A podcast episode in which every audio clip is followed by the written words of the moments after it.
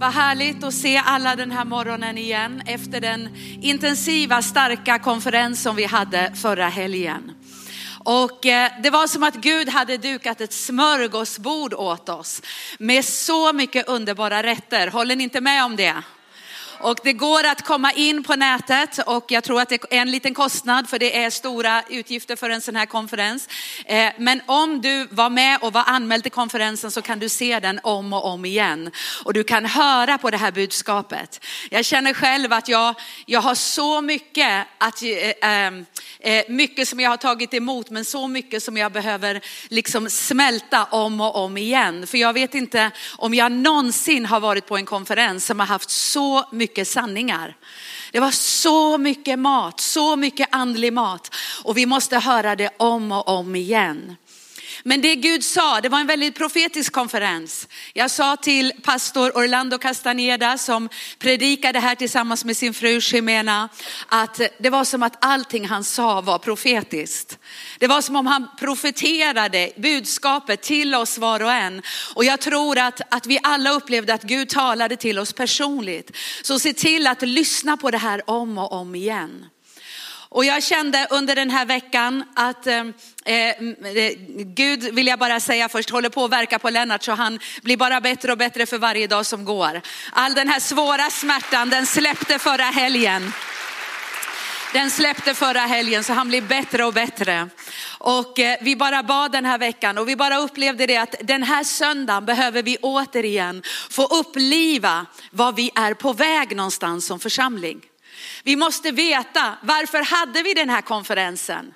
Det fanns en tid i den här församlingens historia då vi hade höstkonferens och sommarkonferens och Sverigekonferens. Vi hade konferens på konferens på konferens, men vi hade ingen strategi, vi hade ingen plan hur vi sen skulle använda den undervisningen vi fick under en konferens för att se förändring i vårt land.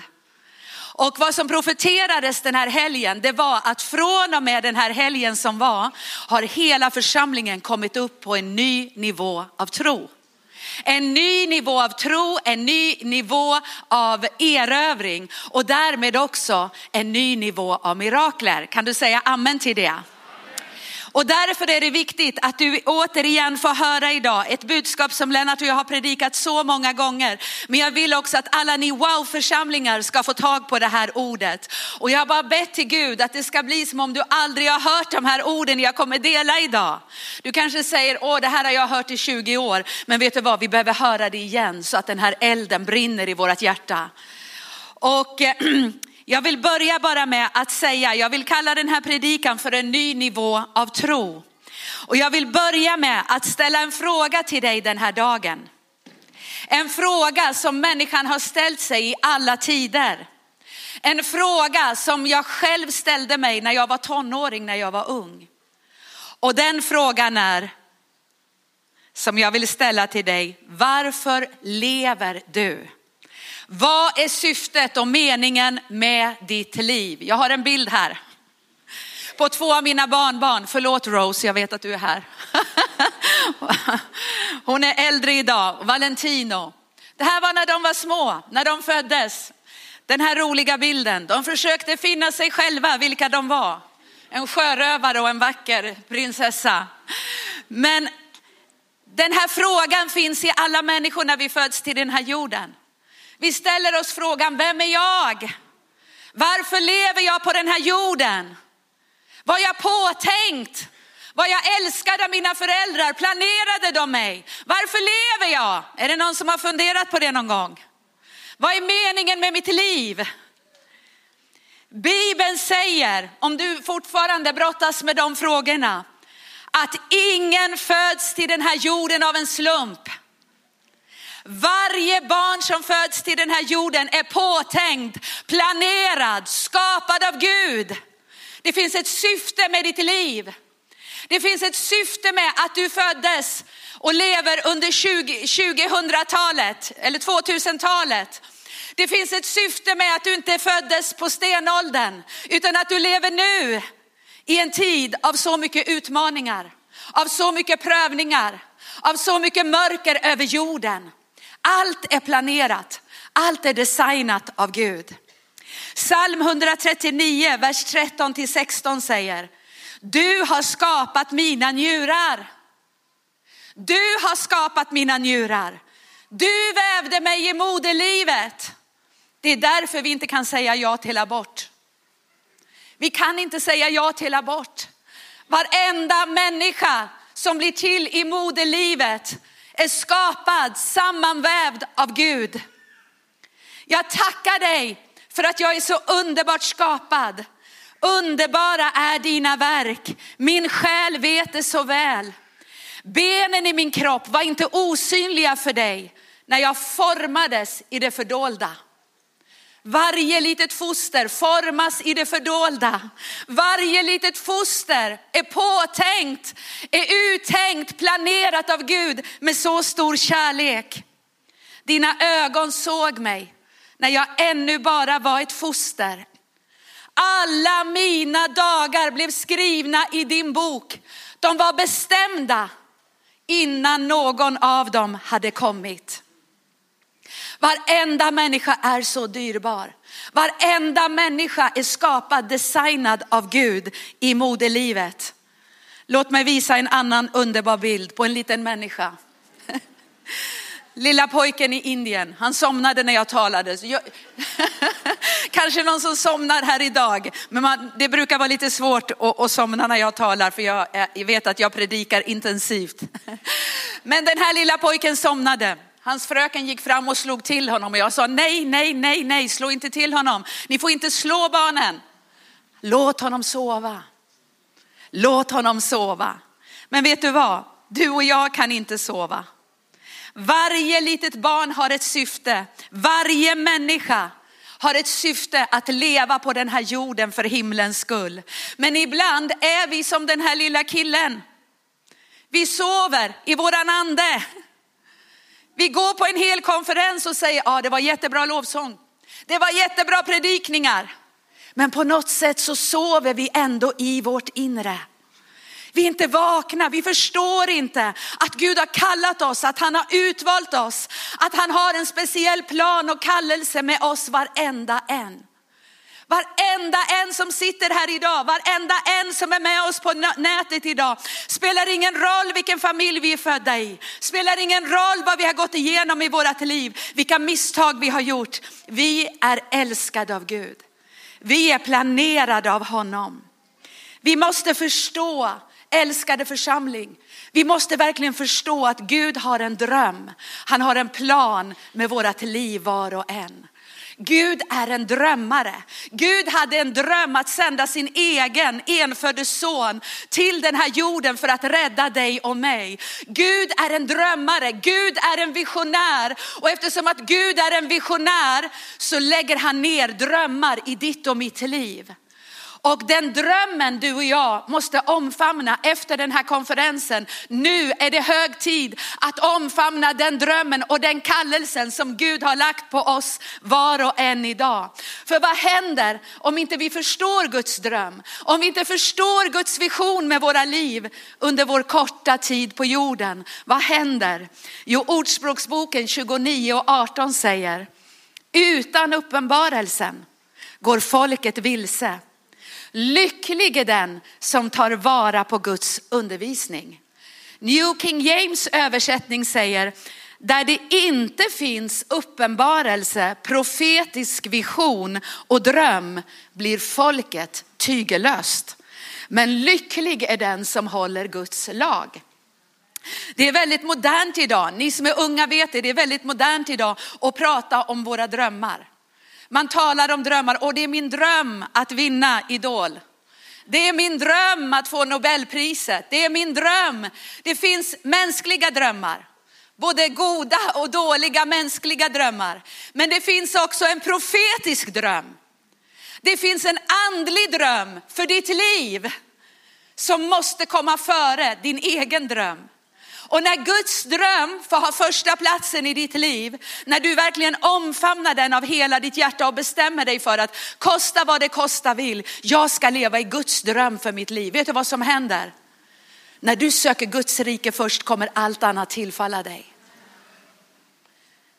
Jag kan säga det, att jag hade jag hade många drömmar när jag var ung. Jag drömde om en mängd olika saker. Som jag tänkte, jag vill resa över hela världen. Jag vill jobba på flygplats eller på ett flygplan eller jag vill göra det eller det. Jag hade många olika drömmar. Men vet du vad, när jag lät Guds dröm komma först i mitt plats, på, på första plats i mitt liv har jag sett så mycket som jag drömde om bara komma av farten. Fått resa mer än någonsin. Jag ville hjälpa fattiga. Jag har fått hjälpa fattiga i Indien. Jag har fått göra så mycket. Men varför har jag fått göra det? För att jag bestämde mig för, en gång i tonåren bestämde jag mig för att Gud, din dröm ska vara min dröm. Det du har drömt, det du har tänkt för mig, det ska ha den första platsen i mitt liv. Det är en sån hemlighet. När vi söker Guds rike först kommer allt annat att tillfalla oss. Och vi lever i en tid då vi måste förstå den plan och det syfte som Gud hade med våra liv och har för våra liv innan Jesus kommer tillbaka. Vi hörde det i hela konferensen. Det är bråttom, det är bråttom. Ni måste springa ut. Jag hörde pastor Cesar häromdagen stå och predika i Colombia och det går ut till hundratusentals människor över hela världen. Han säger det är bråttom. Jesus kommer snart tillbaka. Det är tid för församlingen att vakna, att resa sig och förstå att vi är kallade och utvalda i moderlivet. Vi måste springa med elden. Vi måste springa med Guds ord. Vi måste be att varje dag när vi går utanför våran dörr så behöver vi be och ha en längtan och säga Gud led mig till människor. Led mig till människor den här dagen, när jag går till mitt arbete, var jag än går. Låt mig få dela evangeliet. Så fort det finns en människa så finns det en möjlighet att få ge Guds kärlek och dela Jesus med dem. Vi hade en leverans av en sak till våran bostad här i veckan. Och Lennart gick ut och tog emot den där, bos, eh, den där eh, leveransen som kom. Och, och jag gick också ut och så såg jag att där stod en muskulös man. Han hade inget hår, han såg ut som en skinhead. Han var muskulös, han hade inget hår. Och så bröt han på ryska.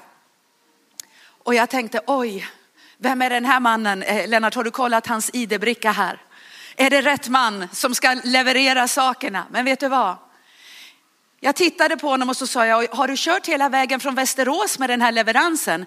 Ja, sa han och så bröt han på ryska så sa han, men jag stannade på ett ställe på vägen och åt mat hos min mamma. Och jag sa, okej, okay, var, var kommer din mamma ifrån? Ukraina, Ukraina.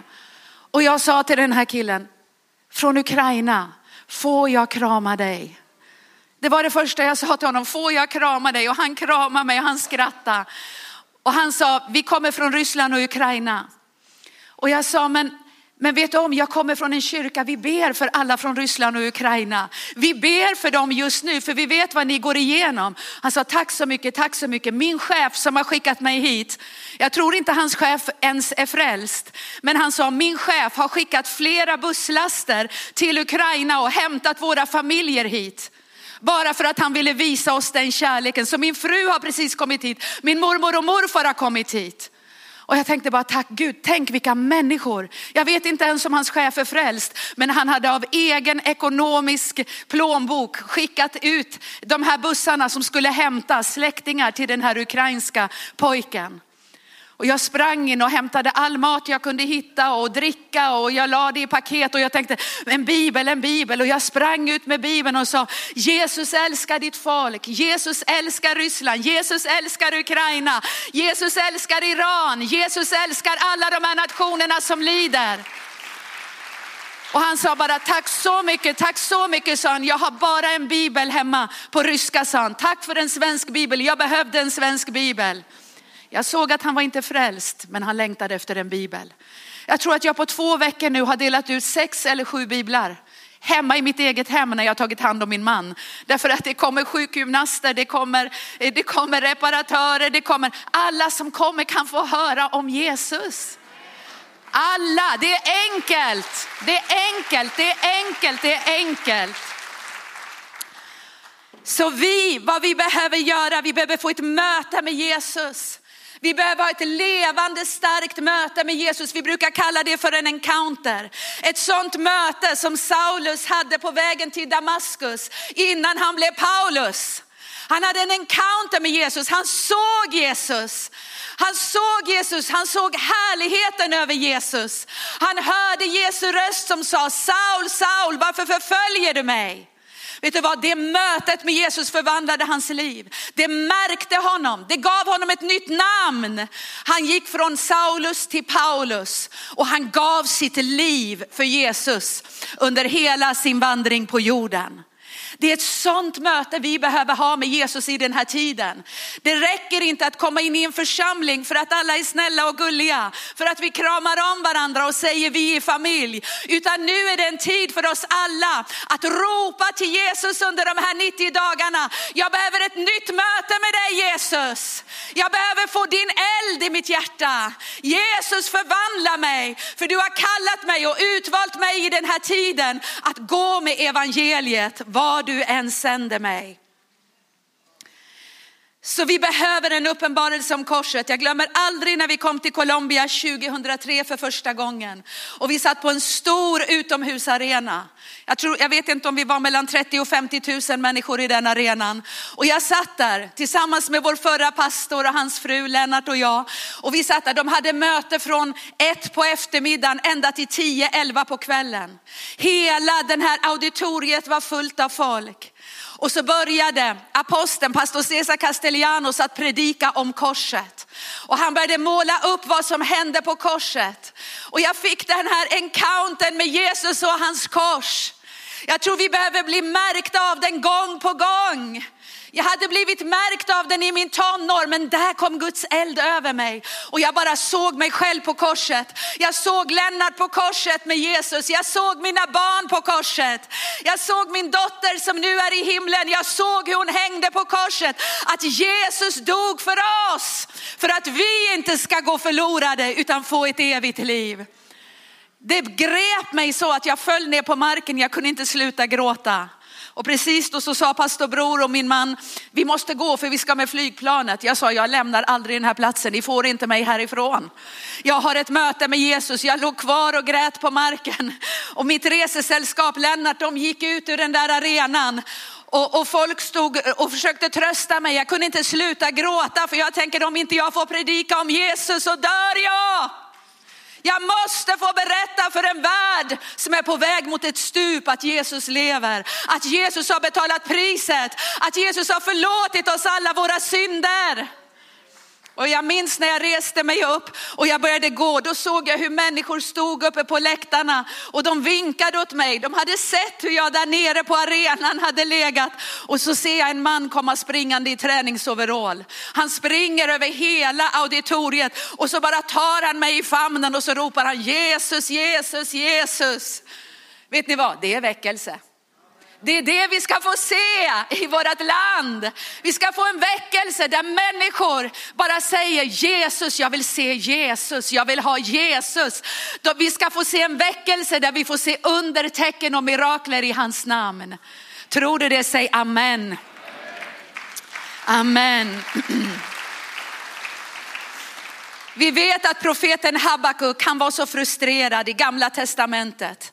Han tyckte att människorna var som fiskarna i havet och kräldjuren på marken. De hade ingen karta, de hade ingen kompass. De var fyllda av våld och ondska. Och det här när, han, när profeten Habakuk såg tillståndet med mänskligheten så skapade det hopplöshet i hans liv. Han kände liksom, hur ska jag orka? Kan du känna så när du ser på nyheterna? När du läser på din telefon vad som har hänt den senaste tiden? Jag orkar inte höra mer. Jag orkar inte ta in mer. När ska ondskan sluta? När ska våldet upphöra? Jag orkar inte mer. Jag orkar inte sätta på nyheterna en gång till. Vad gjorde Habakuk? Han gick upp i sitt torn och han började be. Nästa helg så ska, så ska det vara en konferens för männen som handlar om att vara en väktare. Habakuk var en väktare, han klev upp i sitt torn och han började ropa till Gud. Och han sa i Habakuk 1 och 2, hur länge ska jag ropa på hjälp utan att du hör?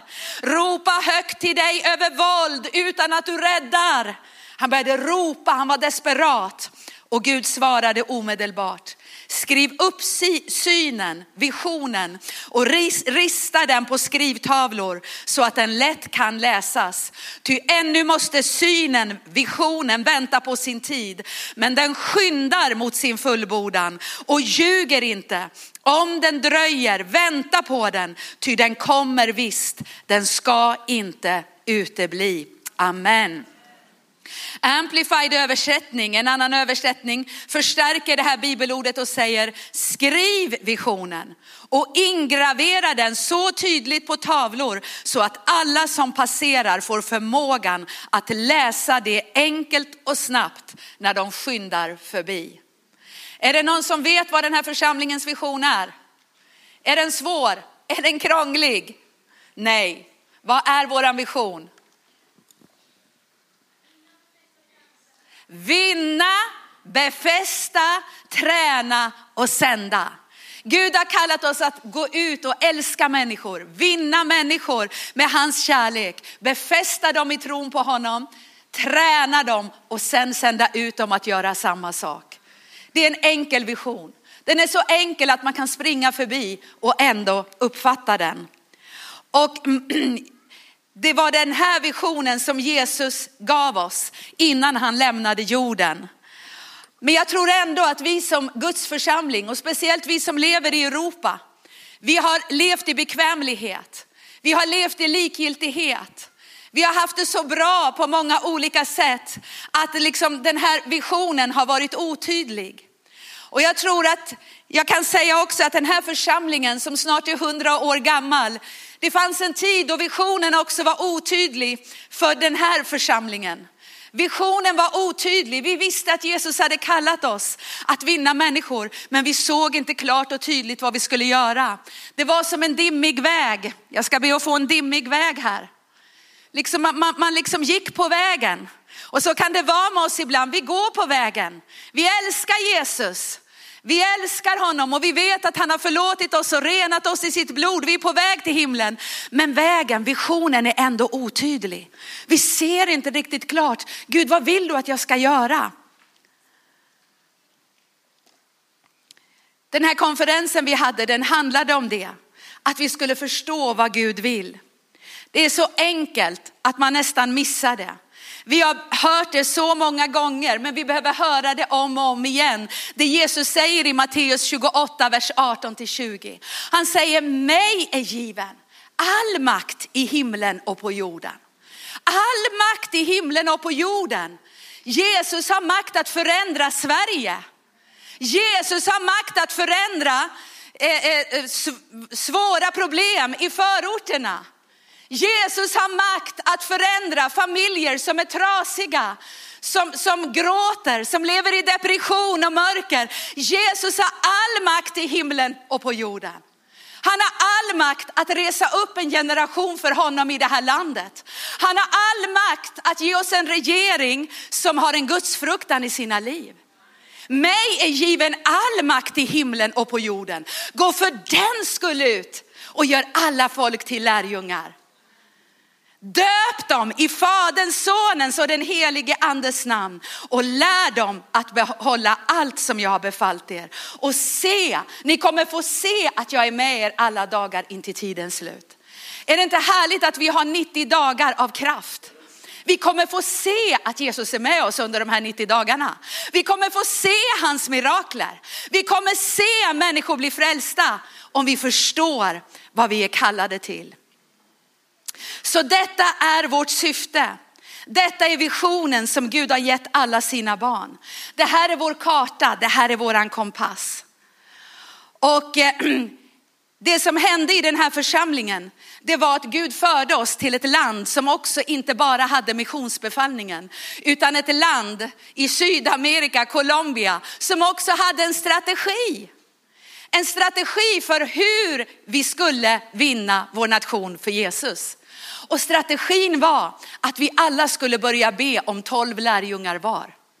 Att vi skulle vinna tolv lärjungar var.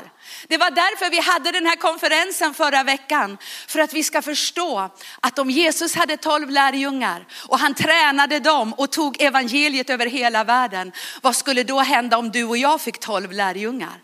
och hjälpte dem att vinna sina tolv. Jag glömmer aldrig när vi kom till Colombia första gången 2003. När vi såg seniorer. Vi såg ungdomar, tonåringar ha lärjungar i tusental. De hade 800 celler, för de hade 12 lärjungar som hade sina lärjungar som hade sina lärjungar. Vi var chockade. Vi såg en församling som inte bara hade predikanter. Ingen var en predikant om man inte hade sina lärjungar. De här gästerna vi hade här förra helgen, jag vet inte hur många cellgrupper de har. Men de har i alla fall tusentals lärjungar. Så de var inte bara duktiga att undervisa, utan tusentals lärjungar. De har vänt upp och ner på sin stad Bogotá, de har vänt upp och ner på Colombia genom samma vision som Jesus hade. Det var där 2003 när vi såg allt detta med egna ögon. Tusentals människor står och tillbe Gud med sina lärjungar som vi sa, Gud gör oss till en lärjungaförsamling. Hjälp oss att vinna, befästa, träna och sända. Och idag har vi en strategi för det. Är du glad för det? Kan vi inte ge Jesus en applåd för det?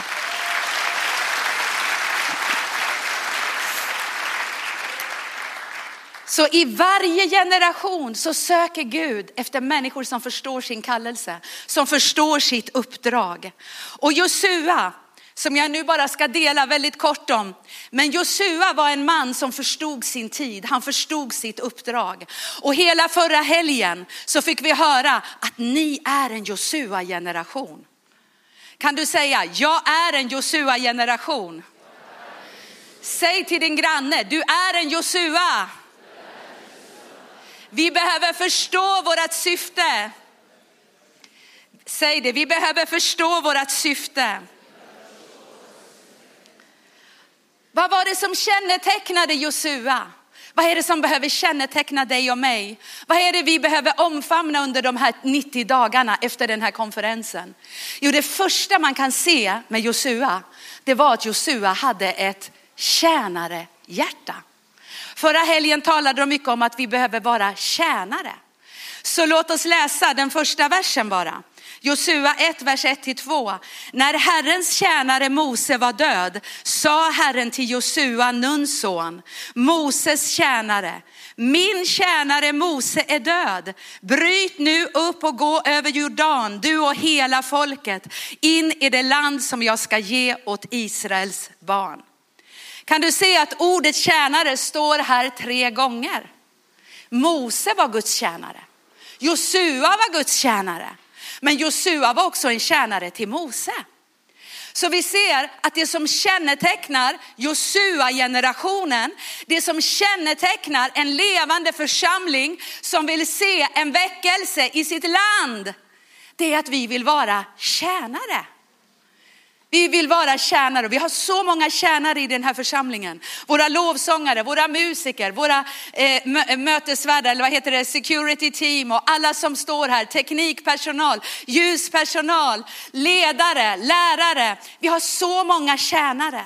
Och jag är så tacksam och stolt över att det är så i våran församling. Men jag tror att vi behöver låta det här tjänandet få ett ännu större begrepp. Att det inte bara är en liten aktivitet som vi gör några gånger i veckan, utan våran identitet. Min identitet är inte i första hand att jag är en pastor, jag är en tjänare. Jag är en tjänare. Jesus tog av sig sin mantel och han tvättade sina lärjungars fötter. Låt oss gå ut i våra städer, i vårt land som Guds tjänare. Låt oss börja betjäna människor. Ett av de starkaste sätten att vinna människor för Jesus, det är att vi med våra liv betjänar dem. Att vi finns för dem. Jag älskar när vi åkte ut förut i förorterna. Vi åkte runt överallt och vi, vi gav gåvor till fattiga familjer. Vi åkte runt och vi frågade vad finns det för behov? Kontakta oss om ni behöver hjälp. Vet du vad, vi ska bli kända för att vi är Guds tjänare. Och det är obekvämt ibland att vara en tjänare. Det var obekvämt för Josua att vänta på sin ledare 40 dagar och 40 nätter när Mose var på berget och tog emot budtavlorna. Men han väntade. Han gick bakom sin ledare, han följde sin ledare, han var ödmjuk. Han hjälpte ledaren att ta folket genom öknen. Vi behöver ha tjänare hjärtan. Kan du säga tack Jesus att jag är en tjänare. Och det är när vi tjänar som vi lär oss saker. När Josua gick med sin pastor så gick han ut i uppenbarelsetältet med Mose som var hans pastor. Och där fick han möta Gud, där fick han se Guds härlighet, där fick han höra Moses tala med Gud ansikte mot ansikte. Varför älskar jag den visionen Gud har gett oss? Jo, det är för att vi alla har en ledare innan vi blir en ledare. Det formar oss i vår ödmjukhet. Pastor Cesar är min ledare. De som var här nu förra helgen och predikade, de är mina ledare. Jag böjer mig under dem och sedan betjänar jag dem som kommer efter mig. Och de betjänar dem som kommer efter dem. Ser ni vilken underbar smörjelse som kommer när vi arbetar med den här visionen? Vi arbetar i ödmjukhet. Vi arbetar som tjänare. Säg jag vill vara en tjänare. Dessa 90 dagar ska vi överlåta oss att verkligen vara tjänare. Det är ett förtroende från Gud att få vara en tjänare. Det andra vi kan se när vi läser om Josua, det var att Josua förstod sitt syfte. Och det var därför jag började visa bilden på mina barnbarn. De undrade när de var små kanske, när de växte upp, vad, vad Gud skulle använda dem till, vilket yrke de skulle ha så, och så vidare. Jag började med den bilden för att det är så viktigt att du och jag förstår vårt syfte. Josua förstod sitt syfte. Vad står det i vers 2 i slutet av versen? Min tjänare Mose är död. Någon hade dött. Inte bara Mose hade dött utan ökentiden var förbi.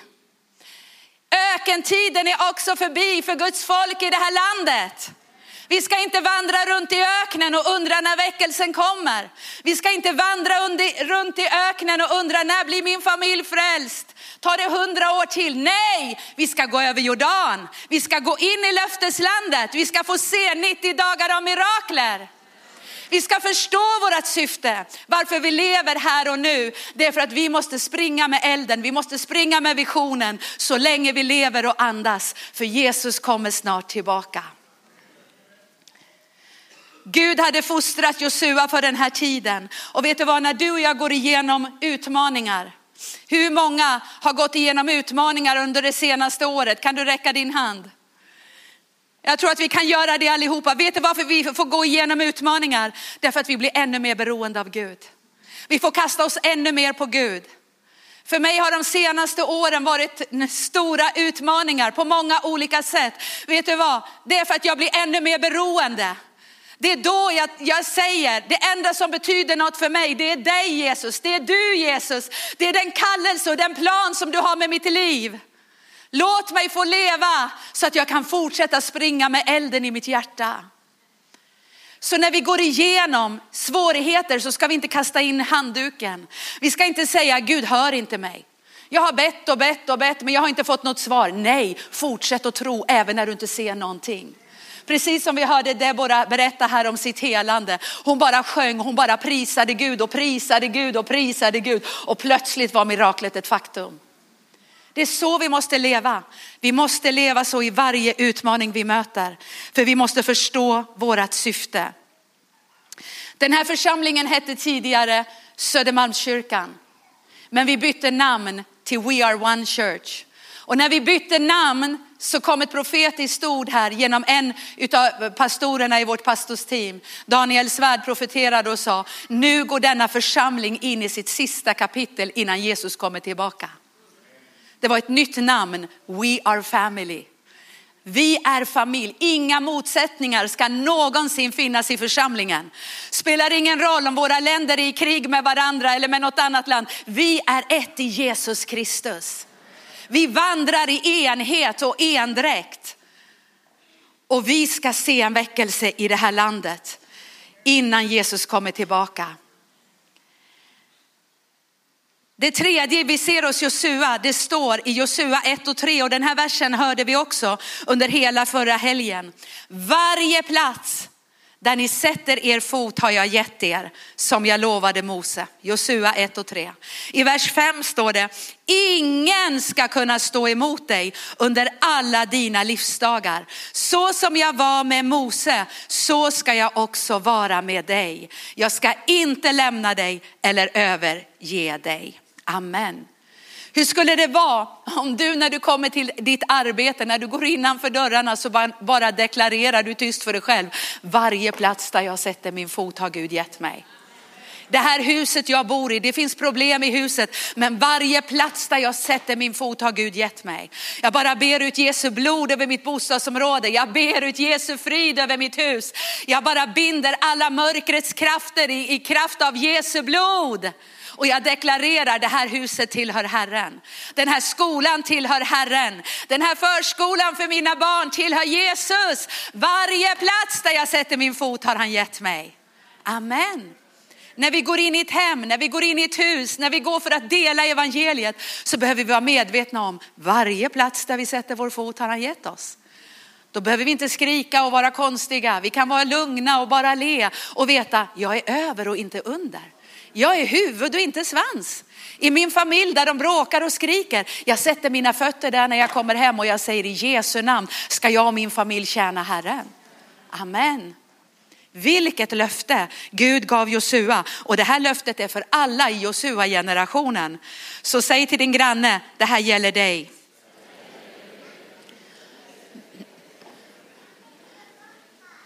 När Israels folk skulle erövra landet så fanns det stora jättar. Det fanns stora jättar i landet. Och du och jag, vi kommer också möta jättar när vi ska erövra landet. Jag körde på en stolpe här på vägen hit.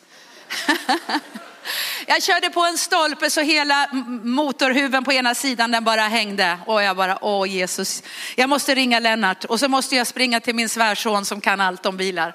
Och eh, jag sa, gå och fixa bilen Micke. Så han sprang dit och tryckte upp hela, hela den där huven. Och så skickade jag en fin bild till Lennart och sa, allt gick bra. Men vet du vad? Det är strider som kommer emot oss. Det är strider som kommer emot oss. Men den kamp vi har att utkämpa är inte mot människor. Det är en kamp, mot, inte mot kött och blod utan mot ondskans andemakter i himlarymderna. Men vad sa hon, han som kallade oss? Mig är given all makt i himlen och på jorden. I mitt namn ska ni binda allt som vill komma in och störa. I mitt namn så ska ni eh, slå ner de jättar som reser sig emot er. Det finns ett löfte för varje jätte, för varje utmaning som vi behöver deklarera med våran mun. Och jättarna kommer att falla. Kan du säga amen till det?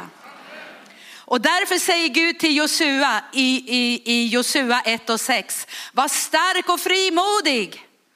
För du ska som arv åt detta folk fördela det land som jag med ed har lovat deras fäder att ge dem.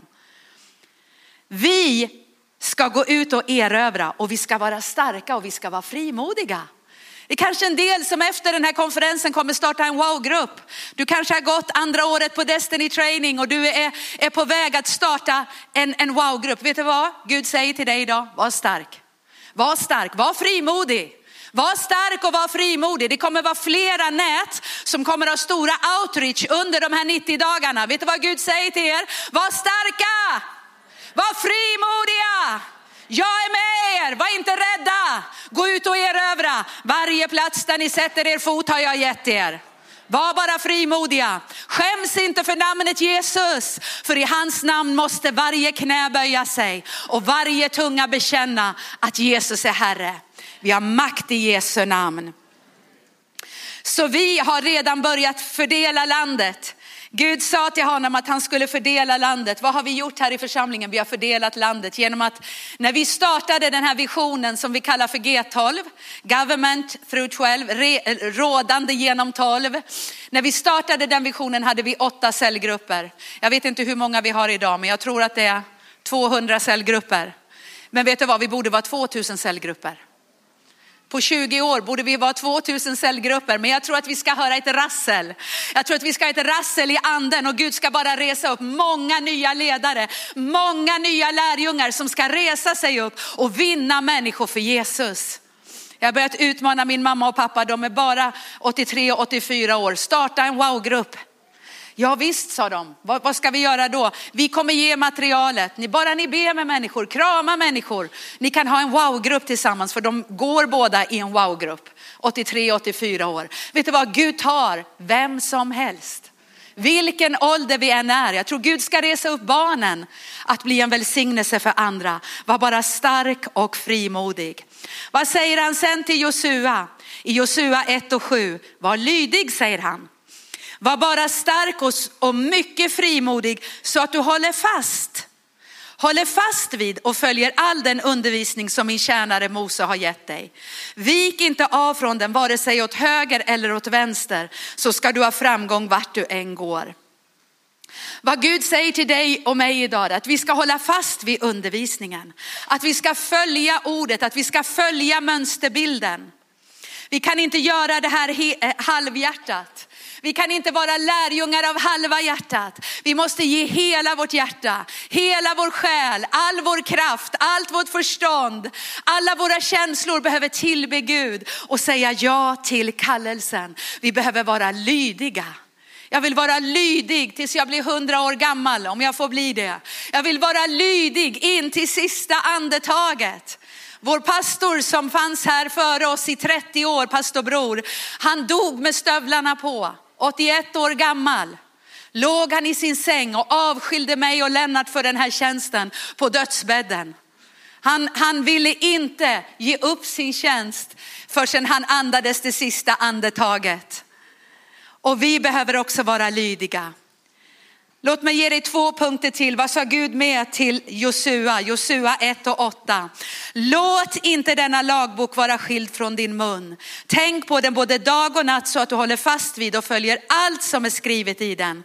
Då ska du lyckas på din väg och då ska du ha framgång. Vi ser här att varje dag måste vi fylla oss med Guds ord. Vi måste hålla visionen brinnande och levande i vårt hjärta. Vi behöver fylla oss med ordet, vi behöver läsa ordet, meditera på ordet, men också deklarera ordet. Och det är därför det är så underbart. Under konferensen såg vi en mamma stå här med alla sina döttrar.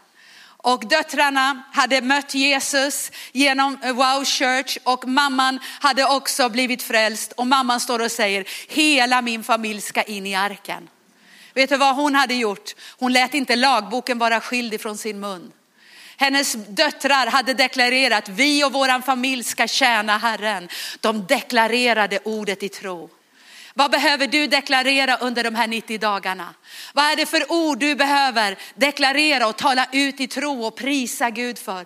Vilket mirakel är det du behöver under de här 90 dagarna i ditt liv, i din familj? Börja deklarera det i tro.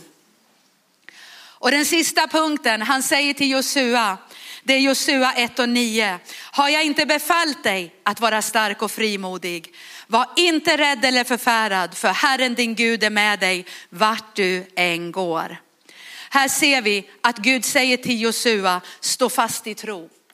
Jag tror att det är vid tre tillfällen i de här första nio verserna som Gud säger till Josua, var inte rädd Josua, var inte rädd Josua, frukta inte, var frimodig, stå fast i tro, håll fast vid allt som jag har sagt, tala ut det med din mun, deklarera det som jag har sagt till dig, håll fast vid uppdraget, håll fast vid visionen. Och det är vad han säger till dig och mig idag, Sverige ska bli frälst. Vi ska resa upp tolv församlingar i Sverige. Men inte bara i Sverige, vi ska fördela landet i Sverige men sen behöver vi gå ut i Europa. Kanske en del kommer att åka till Afrika, andra till Asien. Vi måste ut med evangeliet. Sverige är ett land av väckelse. Sverige är ett land av mission och har alltid varit och vi ska få se det igen. Tror du det så säg amen. Och Josua fick alla de här instruktionerna och därför deklarerar han innan han lämnar jorden i Josua 24 och 15. Men om ni inte vill tjäna Herren så välj idag vem ni vill tjäna, säger han till sitt folk. Antingen de gudar som era fäder tjänade på andra sidan floden eller de gudar som dyrkas av amoreerna i vilkas land ni bor. Men jag och mitt hus, vi vill tjäna tjäna Herren. Amen. Och idag deklarerar jag det ordet över hela Wow Church. Jag deklarerar det ordet över Wow Gotland, Visby. Jag deklarerar det över Wow Malmö, Göteborg, Södertälje och Wow Kishon. Att vi och vårat hus, Wow Church, vi ska tjäna Herren. Amen. Kan du ge Jesus en applåd och bara tacka honom.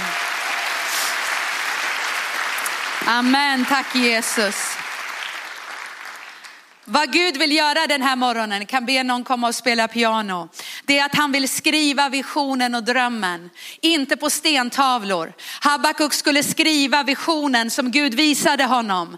Han skulle skriva den på stentavlor. Men Bibeln säger att idag vill inte Gud skriva på stentavlor. Vad vill han skriva visionen? I våra hjärtan. Våra hjärtan måste bli fyllda av visionen. Och när vi blir fyllda av visionen så kommer vi få en klar bild av vart vi är på väg. Vi kommer se vägen. Vi kommer känna att en rastlöshet försvinner. En otillfredsställelse försvinner. Vi kommer kunna vandra i trons vila och bara veta, jag är i Guds vilja. Jag är i Guds plan, jag är i Guds syfte med mitt liv. Jag är en lärjunge som går ut och gör lärjungar. Kanske alla inte känner sig kapabla eller kallade att starta en cell, men vet du vad? Hjälp din ledare att vinna människor. Att vi fyller nätet med fisk under de här 90 dagarna. Vi behöver be att människor kommer in i församlingen.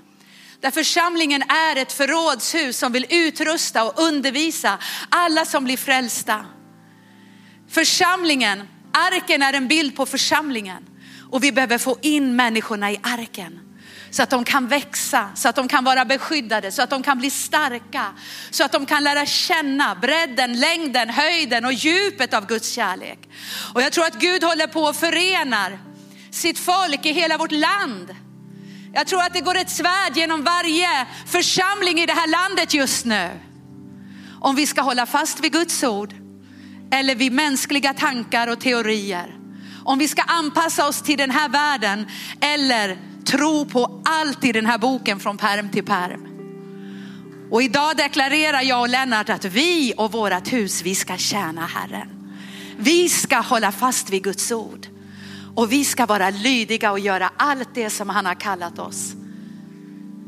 Vad ser du när du ser på framtiden? Jag ser tolv församlingar i Sverige. Jag ser att Gud håller på och förbereder unga människor nu som går och bär på en kallelse. Men ni unga människor, ni måste börja här. Ni måste börja på hemmaplan och vinna era tolv. Resa upp dem. Ni måste lära er att övervinna strider, motgångar. Ni måste lära er att kunna ta kritik. Ni måste lära er att övervinna mörkret genom att kasta er på Gud. Det är en träningstid. Det är en kallelsetid. Men den Gud kallar, den utrustar han också. Så om Gud kallar dig, så säg inte jag är för ung, jag kan inte gå. Utan säg Herre, här är jag. Sänd mig. Det är vad Gud vill göra. Han vill bara han vill bara låta sitt ord gå ut och dra människor till en process av förberedelse. När jag ser på den här vägen så ser jag, låt mig få se på vägen igen. Jag ser Sverige som ett skördefält som är moget. Jag ser att vi går ut och vinner människor. De profeterade förra helgen att det kommer vara köer in i kyrkan. Att det kommer vara köer och vi hade köer förra helgen för ryktet gick ut om att Gud var på den här platsen. Vi ska få se köer till den här kyrkan. Det ska vara köer till Wow Göteborg och Malmö, Södertälje, Kishon, Visby. Det ska vara köer av människor som vill ha Jesus. Det är det vi måste se. Vi måste se den drömmen. Vi måste se drömmen. När jag ser framåt så ser jag hur enkla människor blir wow-ledare i församlingen. Hur de står med sina lärjungar omkring sig och ber för dem. Hur de betjänar dem, hur de sänder ut dem att göra allt Jesus har kallat oss att göra. När jag ser framåt så ser jag att vi och våra familjer, vi tjänar Herren.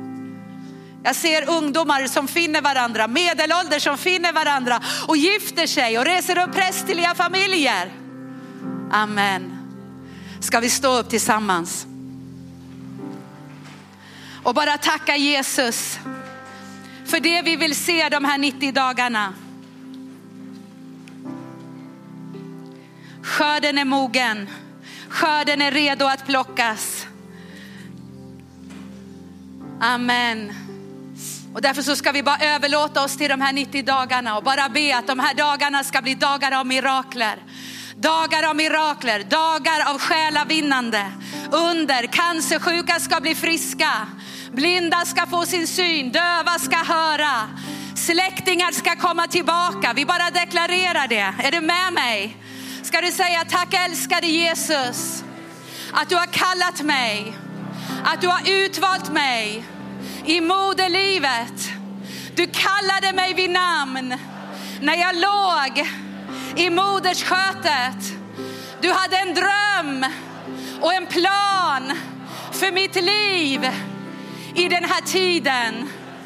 Jag lägger mig därför på ditt altare. Jag överlåter mig till dig dessa 90 dagar är dagar av överlåtelse, dagar av kraft, dagar av mirakler.